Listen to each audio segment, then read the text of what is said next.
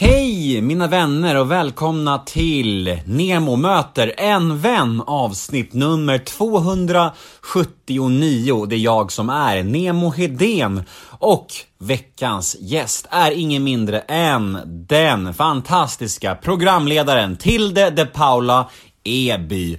Och veckans avsnitt är ett podmi exklusivt avsnitt.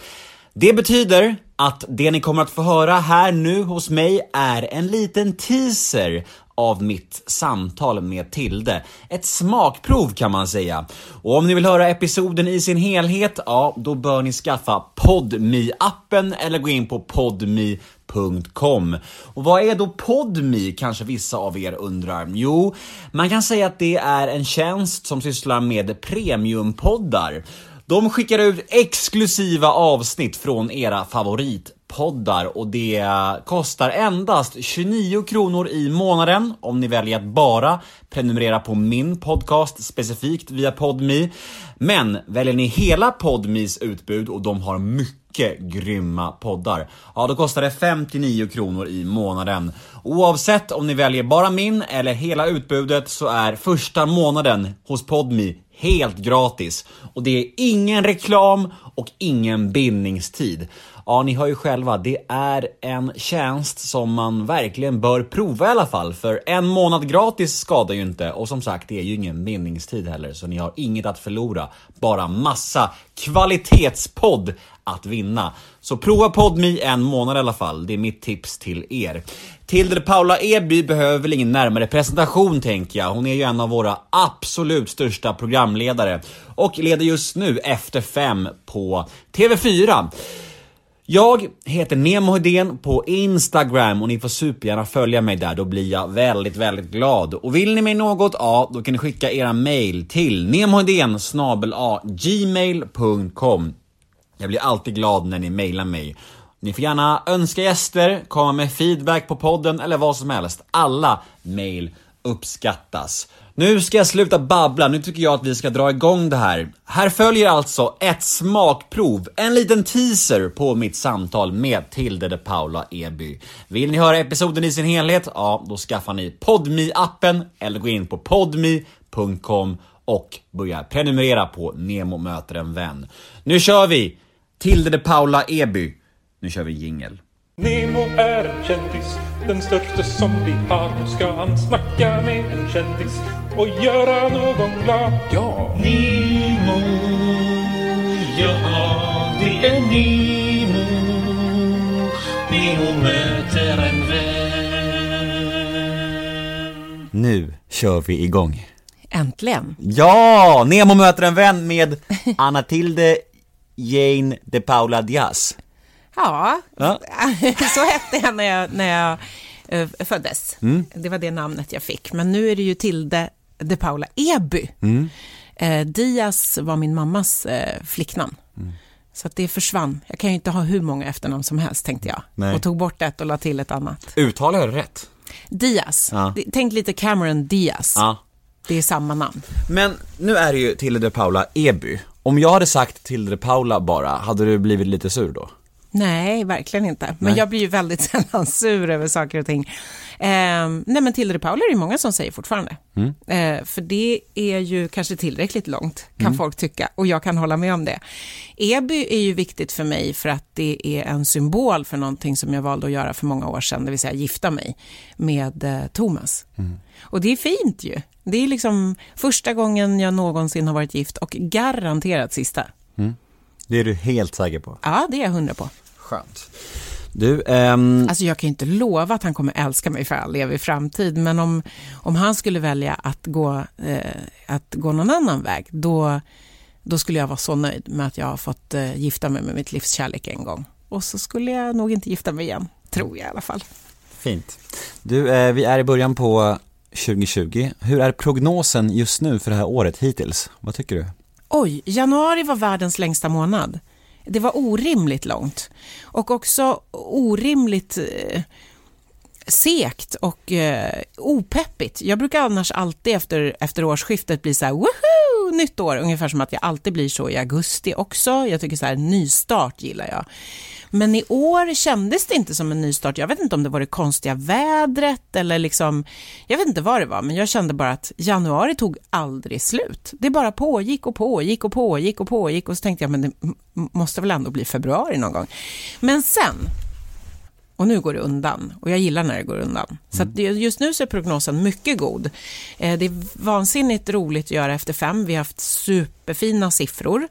Fler hittar programmet. Den stora utmaningen är ju tiden vi sänder på. Allt fler hittar programmet. Eh, Och eh, eftersom de är kvar så får man väl tänka att de också gillar det vi gör. Vi hittar formen och sen så preppar vi för, för Let's Dance. Och det ska bli skitkul i år. Bra cast. Är det så? Ja. Ja. Jag såg att några namn hade läckt ut lite Nej, men grann. du vet inte det. Du kan inte veta det. Nej jag vet. Du kan inte veta om och det jag vet också att vad jag än säger så kommer inte du säga någonting ändå, så jag kan lika gärna Nej. ge upp. Nej, precis. Nej men det är inget roligt, det är Nej, halva såklart. grejen att Ja, få ja, ja. surprise eh, och liksom pytsa ut det lite som vi vill. Men, eh, men eh, ja, jag är Mm. pepp faktiskt. Var det en stor omställning för dig att eh, gå från eh, morgon-tv till eftermiddagen? Alltså, förutom det självklara liksom att det är en annan tid, men var det, var det, tog det lång tid att vänja av dig från det?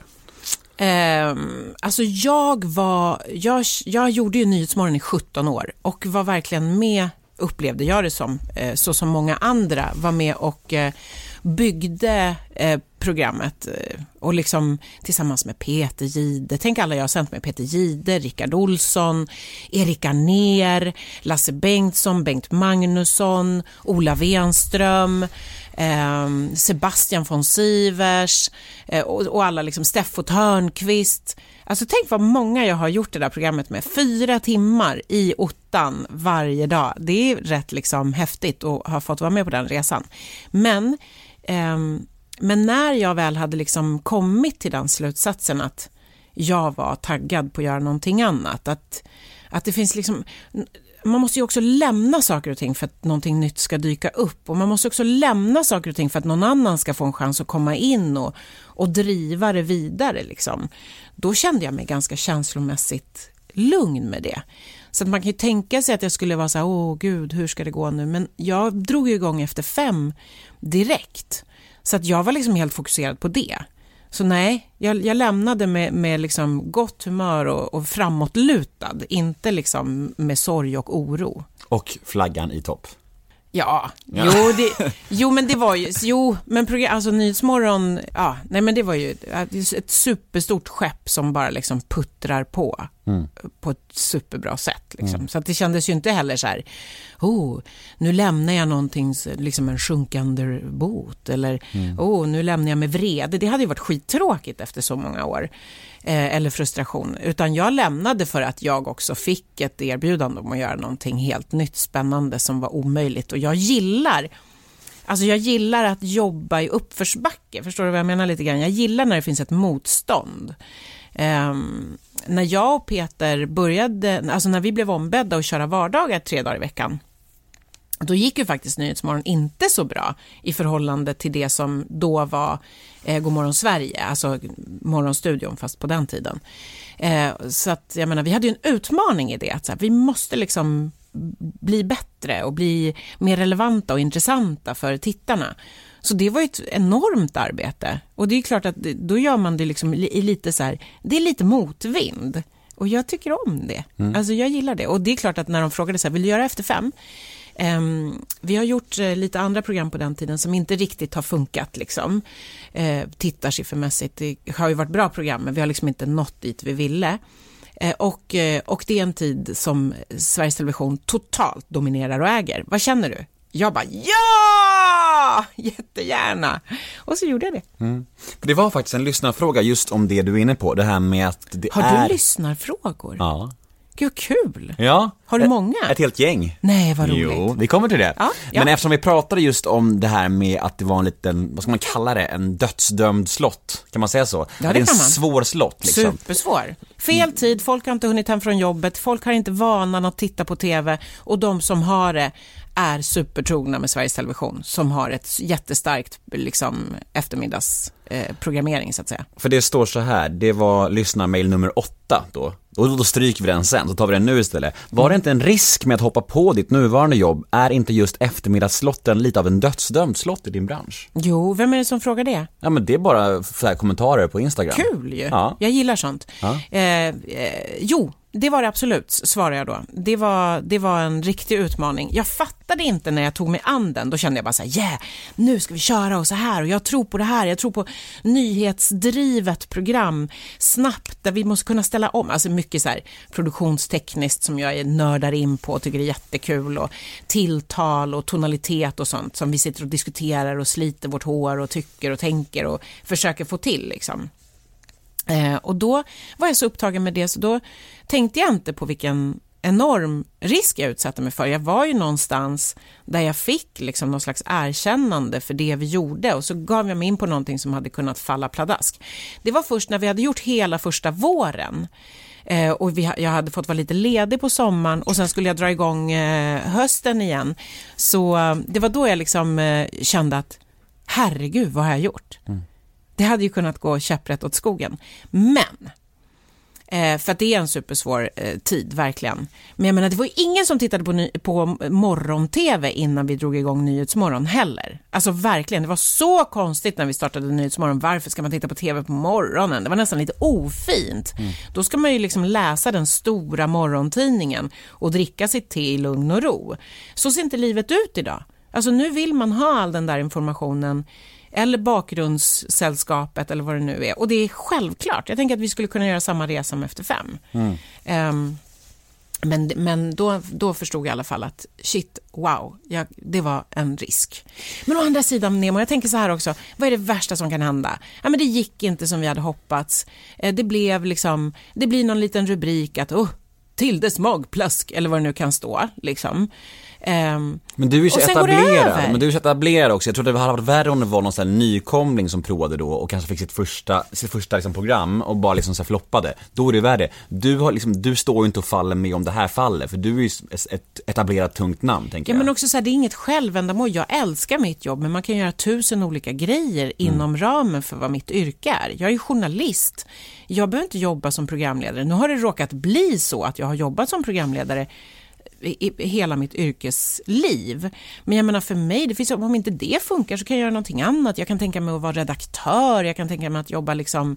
Äh, det finns ju så enormt mycket att göra. Så att man behöver inte heller så här eh, jag tror att man blir en bättre människa och eh, framförallt en bättre människa, men man kan också så här, liksom, de eventuella framgångar man får blir ju jättemycket härligare om man också har mött lite motstånd och, och varit med om lite motgångar.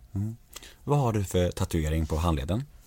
Eh, den, Båda? eh, på höger arm eh, på insidan så har jag namnen på mina barn, Elian, Sion, Naemi och Elia.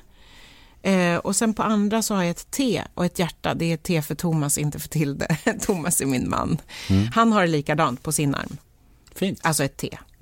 Eh, och barnen, det roliga med den här tatueringen som jag gjorde på barnen, det är att jag gjorde liksom fyra stycken, men ser du, jag lämnade plats ifall att det skulle komma en till.